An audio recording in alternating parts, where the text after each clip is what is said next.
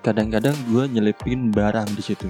Hmm, nyelipin barang. Terus Kadang-kadang gue ngasih kalung, kalung yang beli di toko mainan gitu ya.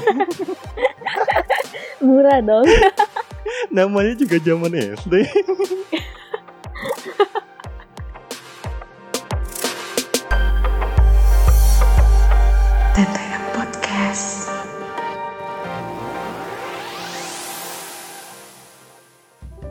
Oke, balik lagi sama gue Rama Cungring dan Vika di TTM Podcast. Iya, kembali lagi dengar suara gua di episode kali ini yang gak kalah menarik dari episode-episode sebelumnya.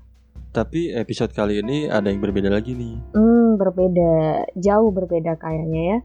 Berbedanya bukan gimana-gimana. Hmm. Karena kan di minggu lalu eh, kita pakai bumbu musik. mhm. Nah, minggu sekarang gak ada tuh musik-musik dulu. Hmm, karena Karena dua-duanya males nyari musik yang relate dengan topik ini. tapi susah loh guys. Gua cuma dapet satu kemarin tuh.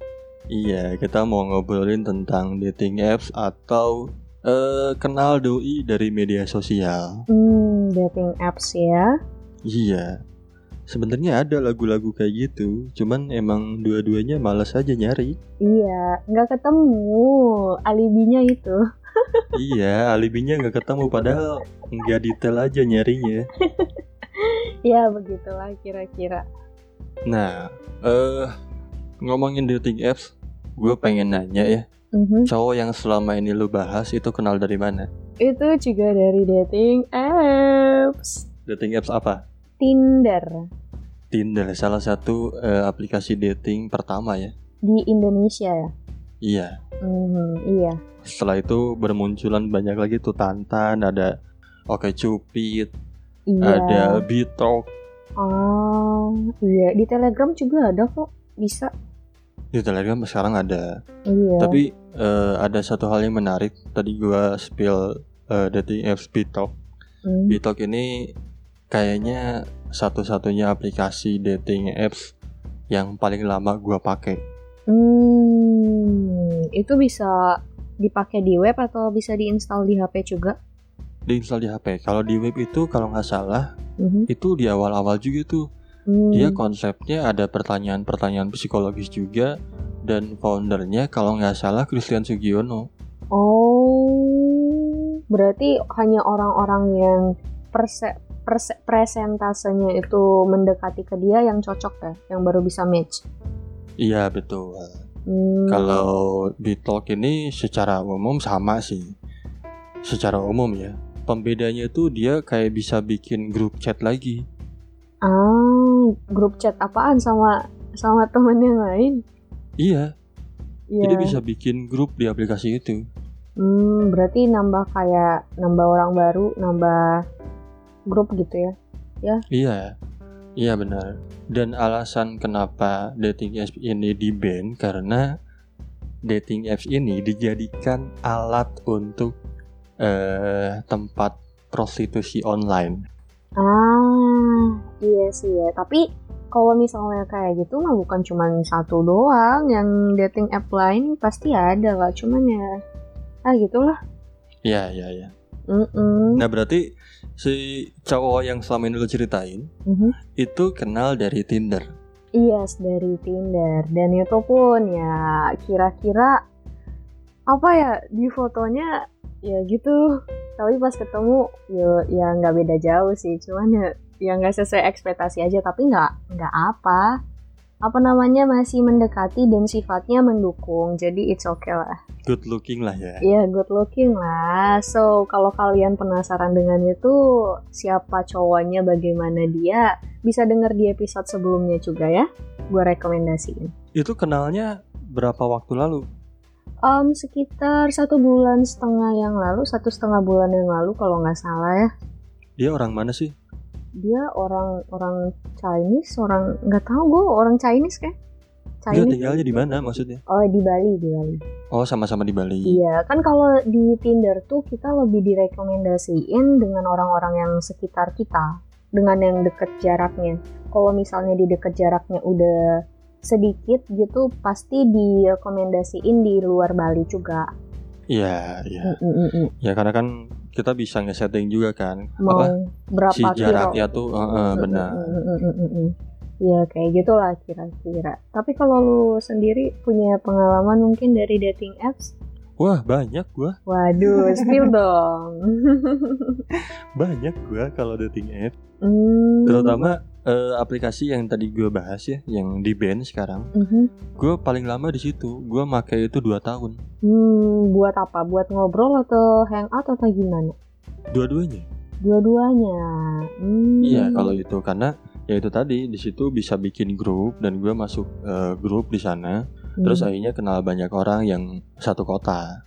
Tapi Oh. ada juga yang emang gue masuk grup yang di luar kota Bandung waktu itu. Hmm, ada nggak yang sempat jadian gitu dari dating apps? Dating apps yang itu lumayan, lumayan banyak, Lumayan banyak yang jadi. lumayan. Wah, mantan lo banyak dong. Mantan gue kalau nggak salah ya, hmm. gue pernah terakhir ngitung itu 2017. Hmm. Itu pun karena teman gue yang nanya. Hmm. Jadi gara-gara dating apps itu, Mhm. ini waktu zaman jahiliyah ya. Hmm. gara-gara dating apps Talk itu gue sering bawa temen cewek gue ke kosan Mhm. emang buat main bukan buat apa-apa jangan berpikir macam-macam ya Oh, buat ketemuan doang. iya buat nongkrong karena waktu itu emang tempat kos gue dipakai nongkrong teman-teman yang lain juga Hmm, berarti bukan cuma satu orang doang yang datang ya? ya makanya temen gue nanya Hmm. masalah jumlah mantan gue dan gue berusaha mengingat waktu itu Mhm. di tahun 2017 mantan gue yang gue inget ya Mhm. itu ada sekitar 40-an Ah, atau hell 40-an. Paling lama berapa tahun? Kalau paling lama 2 tahun Paling lama, paling cepat. Paling Sehari. cepat seminggu ada Ada yang sehari nggak? Nggak ada. Enggak Nggak termasuk mantan itu kalau sehari ya. Enggak itu termasuk apa ya Ya udah Ya udah Apa? itu. eh, One night stand lah Ah gitu. Berarti pengalaman yang berkesan buat lu ada nggak sih? Kan di era digital ini dating apps udah marak-maraknya ya, udah rame banget lah menjamur gitu di dunia ini. Kalau di Ya. zaman lu gimana? Ada nggak sih? Lu kan kelahiran udah lama juga kan? Ya gue kelahiran 90-an lah ya Mm 90-an. Gimana itu? Kalau mau kenal dari bukan dari dunia nyata, kenal dari mana? Gini eh, Tentang dating apps menariknya adalah kita bisa kenal eh, lebih banyak orang Mhm, Nggak kenal jarak Iya. Kita bisa kenal orang-orang yang ada Bahkan di luar negeri gitu Hmm, Karena gue juga pernah Tapi Mhm. ini dari game sih Gue kenal eh, seseorang dari game Yang akhirnya deket sama gue dari yang game pertama, juga. Heeh. Yang pertama orang Singapura Mhm. Yang kedua orang eh Aussie Wow, dari game loh. Berarti dating apps itu bukan cuman eh kita itu menjalin hubungan bukan cuman dari dating apps doang ya, bisa dari game juga. Iya Hmm. Dan mungkin kalau dari Dari media sosial atau apa pun itu ya Yang menarik itu tadi Gue bisa kenal sama orang yang eh, Di luar negeri gitu Sama orang Hmm. Singapura Sama orang Aussie Terus eh sama orang US Hmm, Di tiga negara itu Tiga-tiganya pernah deket sama gue gile, pakai bahasa Inggris dong. Nah masalahnya Di game gue kan eh, komunikasinya lewat line Hmm. Dan mereka tahu bahwa bahasa Inggris gue tuh eh, Di bawah rata-rata lah Mhm. Jadi gue selalu komunikasi dengan mereka tuh pakai translate. Oh, tapi nyambung lah ya. Ya eh, masih masuk lah. Mereka masih ngerti dan masih paham apa yang gue maksud. Hmm, itulah sebabnya bisa dekat sama mereka. Ya jago-jago speak aja sih sebetulnya. Oh, jago-jago speak. Wah. Iya sih. Ya ya tapi kalau di zaman gue, Mhm. menurut gue ya apa ya tantangannya tuh lebih berasa. Hmm, gimana itu? Karena eh, kalau misalkan lo inget sebelum ada dating apps, bahkan sebelum ada media sosial, kita bisa dekat sama seseorang itu yang emang bener-bener di circle kita doang gitu. Hmm, iya yang teman sekolah gitu ya Uh-uh. teman main teman dekat rumah gitu iya kita nggak kenal orang lain. iya dan Mm-mm. itu menurut gue jauh lebih menantang karena yang pernah gue ceritain eh, waktu zaman SMP sedeg-degan itu gitu semerasa tertantang itu gue harus datang ke rumahnya ngasih boneka gitu ya secara Hmm. langsung terus eh, masih PDKT dengan pakai surat Hmm. itu di zaman gue sebelum ada media sosial Oh iya, effort yang dilakuin lebih gede ya. Eh, lebih banyak kita yang ngelakuin daripada orang kan kalau sekarang kan ada media sosial kita mau ngapain kita bisa lewat perantara. Kalau Ya. dulu itu harus kita sendiri yang ngelakuin.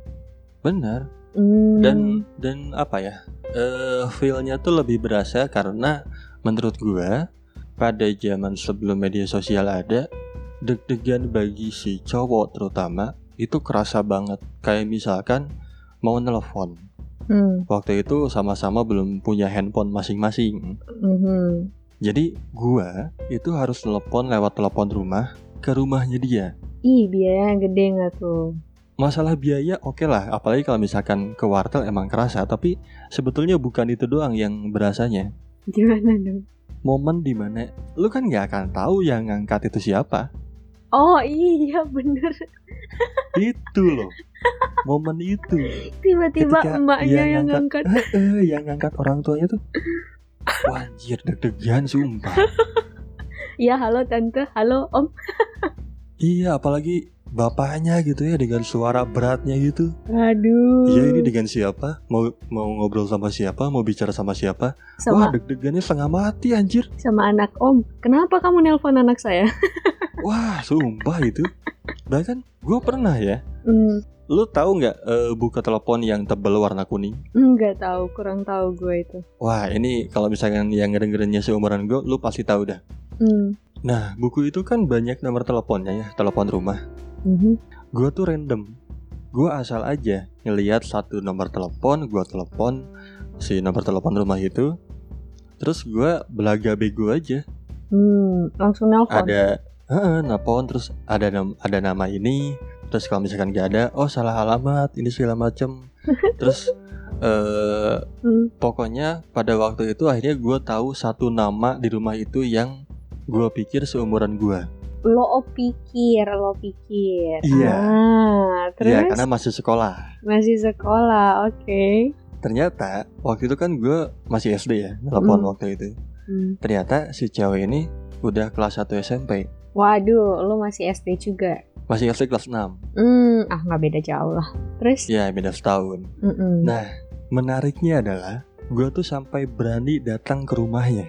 Hah? Hanya hanya karena pertama lewat telepon random. Random. Iya, Wow, menantang sekali tuh. Terus? gue kan di nomor telepon itu di buku itu ada alamatnya juga kan. Oh, ada gitu ya zaman dahulu. Iya, di buku itu tuh bukan cuman ada nomor teleponnya doang, tapi ada alamat lengkapnya. Jadi, gue berusaha cari alamatnya. Ah, tapi dekat dari tempat tinggal lu juga kan itu? Pada waktu itu sih kerasanya jauh ya, karena kan belum bisa pakai motor. Hmm, oh iya, naik sepeda dong. Gue lupa, gue naik sepeda atau jalan kaki. Gila Lupa sih. gue. Jalan kaki cuman buat nyari rumah orang random. Iya, Terus, terus? dan gue samperin, beneran samperin ke rumahnya. Mhm. Terus akhirnya gua ketemu sama orangnya, gua kenal. Pokoknya di situ gua kayak orang bego aja. Hmm, kayak orang bego. Tapi lu langsung bilang, "Hai, gue yang gue Rama yang ditelepon." Enggak. Kayaknya iya deh. Udah Kayaknya lama iya. banget sih soalnya Udah lama SD. banget anjir. Tapi Mm-mm. setelah itu pas gua naik ke SMP, ternyata satu sekolah sama gua, dia kakak kelas gua. Luar biasa, jodoh yang tertunda. Terus, Dan waktu ujian apa ya, ujian semester kalau nggak salah, mhm. kan suka di di satu bangkuin sama kakak kelas atau yang beda kelas. ah iya iya di rocker-rocker Iya kan? gitu. Ah, ah, Di ah, ah. opera-opera gitu kan ada 1A, 1B gitu ya atau Iya. 8A, 8B gitu ya. Iya gitu. ah, ah. Nah gua eh, kelas gua tuh waktu itu di satu ruanganin sama kelasnya dia Hmm. dan gua Mhm. persis satu bangku sama dia gue masih inget namanya Niken Gile, eh, lo nyebut nama siapa tahu dia dengerin ini gimana? nggak apa-apa Oh, nggak gue apa. inget banget namanya Niken Hmm, weekend, oke. jadi itu yang buat gue apa ya menarik gitu di zaman gue bukan berarti ketika sekarang udah ada medsos nggak menarik sama menariknya tapi kan kita udah tahu eh, dari media sosial dia dia seperti apa gitu Mm, mm, mm. Kalau kalau dulu nggak tahu, mukanya aja kita nggak tahu. iya nggak tahu sama sekali gitu Ah, ah, ah, ah. Gila sih random. Hanya karena telepon random tiba-tiba satu sekolah pas SMP dan satu bangku juga pas ujian luar biasa. iya tapi nggak nggak jadian sih emang cuma deket doang Iya, masih umur segitu soalnya. Atau emang lu Ya. suka sama dia? eh enggak sih biasa aja Oh. tapi emang waktu itu deket aja deket sebagai adik kelas gitu Hmm, iya iya. Tapi effort yang lu rasain itu kayak "Ih, gila sih gue keren banget bisa nemuin orang hanya karena telepon random. Enggak sih, enggak segitunya juga sih. Oh, Gue tidak seberasa keren itu juga. Tapi poinnya adalah Hmm. hal itu menarik buat gue dibanding eh, media sosial gitu. Kalau misalkan gue ngelihat ke belakang, Hmm. karena eh, effortnya tuh lebih gede, eh, rasa penasarannya tuh lebih besar gitu ya. Iya. Dan kayak apa ya? Gue ngerasanya deg-degan banget apalagi ketika nelpon ke rumah dia yang angkatnya bukan dia langsung gitu. Ih, Ih, nggak nyangka tuh kalau misalnya gue nelpon cowok terus emaknya yang ngangkat. Kalau sekarang kan kita nelpon lewat WhatsApp udah pasti kebanyakan ya 99% dia yang angkat dong. Iya. Nah Jarang kalau banget. dulu kan wah deg-degan nih siapa yang ngangkat tiba-tiba oh iya tunggu ya deg-degan lagi kan ini orangnya mau nggak ngomong sama kita gitu. Udah lagi kita yang nelpon. Iya apalagi kalau nelponnya di wartel deg-degan kan aduh ini nominalnya nambah terus lagi. Gila sih.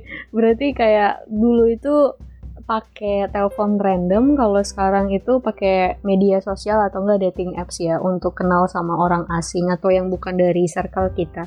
Iya iya. Dan satu hal lagi yang menarik menurut gue adalah zaman di mana kita masih sering pakai surat. Surat. Mhm. Gue tuh dari zaman SD udah sering ngasih surat ke lawan jenis. Hai, sejak SD. Dari SD, ya itu kan salah satunya eh, orang yang pertama kali gue deketin kan, yang udah pernah gue ceritain. Mm-mm, di episode sebelumnya ya. Iya, gue kan ngedeketin dia juga salah satunya ngasih surat juga kan sering. Hmm. Iya, iya, iya. Dan ada cerita epik di balik ngasih surat. Hmm, cerita apa tuh lagi ya? Waktu SD, Mhm. gue pernah ketahuan Hmm. sama teman kelas gue dan akhirnya suratnya disuruh dibacain di depan kelas. Beneran? Sumpah, Ih, itu malu banget gak sih? Ya Jadi, Allah. gue lagi bikin surat Hmm. eh, buat adalah salah satu orang yang gua kejar banget lah waktu itu ya. Hmm. Karena momennya adalah ketika sama dia tuh gue pernah dekat sama dia, terus kayak gue mengungkapkan feelnya gue ke dia gitu ya, perasaan gue ke dia. Hmm. Tapi nggak lama dari situ dia kayak jaga jarak sama gue. Terus? Nah gue tuh bertanya-tanya kenapa nih orang ngejauhin gue gitu dan akhirnya di situlah mulai sering gue ngasih surat ke dia. Hmm. Si ceweknya juga satu kompleks sama gue sebetulnya, beda Hmm. sekolah doang. Aha. Nah, gue tuh lagi nulis surat buat dia. Hmm. Anjing lucu banget ini sumpah. Eh. Malu banget gue sebetulnya. iya, emang malu itu disuruh bacain gitu terus. Temen gue, kalau Hmm. nggak salah temen gue si Ajmir, temen Hmm. SD gue. eh dia yang meragukin awalnya. Gila. Cie Rama. Eh, eh, terus eh diteriakin ke guru bu, Rama lagi bikin surat, padahal guru lagi ngejelasin. Jahil banget tuh. Nah dikompor-komporin lah, akhirnya gue disuruh ke depan bacain surat itu. Anjing malu banget sumpah gue. Sini Rama bacain di depan. iya, mana kata-katanya? Aduh apa ya? ah Masih ingat nggak lu? malu lah pokoknya. Pokoknya salah satunya kayak kayak gini loh, kayak Hmm. anjing malu banget lagi. gue bahkan ngomong kayak gini. Hmm. Aku nggak makan beberapa hari Hanya karena cuman gara-gara mikirin kamu anjing gak tuh Anjing malu banget sumpah. Tapi itu beneran gak sih itu atau bullshit doang? Bullshit lah. Oh, bullshit. Itu doang. cuman buat ngebujuk doang. Oh ya Allah, kalimat bullshit guys bisa dengerin di episode kedua apa pertama? Pokoknya isi surat itu wah, tai lah pokoknya kalau kalau apa ya? Kalau kalau surat itu masih ada Hmm, dan gua bacain itu kalimatnya pasti tai-tai semua. norak banget gak sih? Norak banget pokoknya nggak makan lah, Hmm, nggak bisa hidup tanpa kamu lah segala macam tai lah zaman. SD coba gua kayak gitu anjir. Aduh ya Allah, pun ramah ramah, nggak apa-apa lah. Pantas ya, lu udah belajar dari SD untuk kayak nulis-nulis atau nyatain uh, perasaan sama orang suka-sukaan dan akhirnya lu dapet uh, mantan 40-an. Waduh. Iya, iya. mantap, mantap. Jadi di tahun 2017 gue pernah ngitung eh, sama teman gue ini mantan gue kayaknya ada 40 deh yang gue inget. Belum termasuk yang belum lo inget ya. Iya karena kan ada juga yang selewat maksud gue selewat tuh ya beberapa hari kenal doang atau cuman jadiannya seminggu doang gitu. Hmm, iya, iya. Bahkan ada ada satu nama ya, Hmm. ada satu ada satu orang bukan satu nama. Mhm. Jadi gue inget mukanya, tapi gue nggak inget namanya siapa. Ah, sering kita itu terus. Terus lagi ada yang gue inget rumahnya doang, tapi gue nggak inget sama sekali mukanya kayak gimana, namanya siapa gue nggak inget. Hmm. Tapi gue inget di rumah itu ada mantan gue. di rumah itu ada mantannya lu. Iya, jadi gue inget misalkan satu daerah dan itu rumah mantan gue, tapi gue nggak inget mukanya kayak gimana. Ah, saking udah lamanya ya, dan saking banyaknya juga muka-muka Iya, yang ketemu. Aduh, ya Bahkan- ampun. Bahkan di Bandung tuh kan ada CFD ya. CFD. Iya, eh, Car Free Day setiap minggu. Dan pernah ada yang negur gue, manggil gue, tapi gue bener-bener nggak inget itu siapa. Yang Ah, inget justru teman gue. Lah itu mantan lu, mantan. Wah, Iya. sampai lu nggak inget juga. sumpah. Ya ampun, kebanyakan lu bagi-bagi. Tapi ini ini cerita epic lainnya nih tentang zaman dulu gua apa ya eh PDKT lah ya ngedeketin lewat eh, zamannya gue lewat surat segala macem gitu ya. Mhm. Gue selain ngasih surat, kadang-kadang gue nyelipin barang di situ. Hmm, nyelipin barang. Di dalam suratnya apa lu kasih barang terus lu sir- selipin surat? Iya dalam dalam suratnya Ah, terus kadang-kadang gue ngasih kalung, kalung yang beli di toko mainan gitu ya. murah dong. Namanya juga zaman SD. Kocak sih Terus bahkan ini anjir ini paling konyol sih. Gue Hmm. masih inget lagi kejadiannya. hmm, Jadi gue tuh beberapa kali di dalam amplop surat itu hmm. gue kasih duit kadang-kadang gopean seribuan dua ribuan buat apa buat jajannya dia? iya anjing Aduh lucu banget. aduh anjing sumpah malu-maluin itu cerita ya Tapi itu lu ngasih sama orang yang lu udah kenal atau lu random aja ngasih sama orang gitu? yang udah gue kenal lah yang emang lagi gue deketin gitu Hmm. itu sih eh, ada satu nama yang tadi gue sempat omongin dan suratnya gue bacain depan kelas itu menurut gue kayaknya orang itu yang paling sering gue kasih surat Hmm. Tapi akhirnya nggak jadian. ya jadian bahkan dia hilang Hmm. Hilang di telan bumi dan dia waktu. kayaknya eh, pindah sekolah pindah rumah juga jadi gue tuh tahu-tahu pas ngelewat rumahnya udah kosong tanpa kabar juga di ghosting loh. Heeh, tanpa kabar sama sekali Hmm. Tinggal begitu aja. Ya emang emang sampai pada saat itu nggak ada kejelasan di tahun-tahun sebelumnya dia tuh menganggap gue sebagai apa apakah cuma teman dekat doang gitu ya tapi eh, gue sering pulang bareng sama dia bahkan Hmm. sambil pegangan tangan sambil ngerangkul zaman Hmm. SD Hmm. Lu yang baper dong berarti. tapi kan dianya ngerespon hal yang sama Ah. Ah, aduh susah ditebak sama orang kayak gitu. Dia juga eh, beberapa kali ngerangkul gue eh, megang tangan gue duluan Hmm, kali aja lu cuman dianggap Rama itu abangnya aku, kakaknya aku. Ya gue nggak tahu juga ya. Cuman eh, gue ngerasanya wah ini orang bikin gue penasaran banget. Hmm. Terutama tentang dia tuh menganggap gue apa gitu. Ah, berarti lo sempat terjebak di friendzone juga ya pada kak pada saat itu. Nah itu yang gue nggak tahu. Gue tuh bener-bener ngeblank. Dia tuh menganggap gue apa? Ah, friendzone lah itu bisa dengerin di episode sebelum ini ya. Tapi itu sih kalau buat gue sih menariknya ketika belum ada media sosial. Yang pertama ya kita tuh cuman bisa kenal sama orang-orang, bisa deket sama orang-orang yang cuman ada di circle kita doang gitu. Iya sih, yes. Kita nggak bisa jangkau orang dari selain dari circle kita.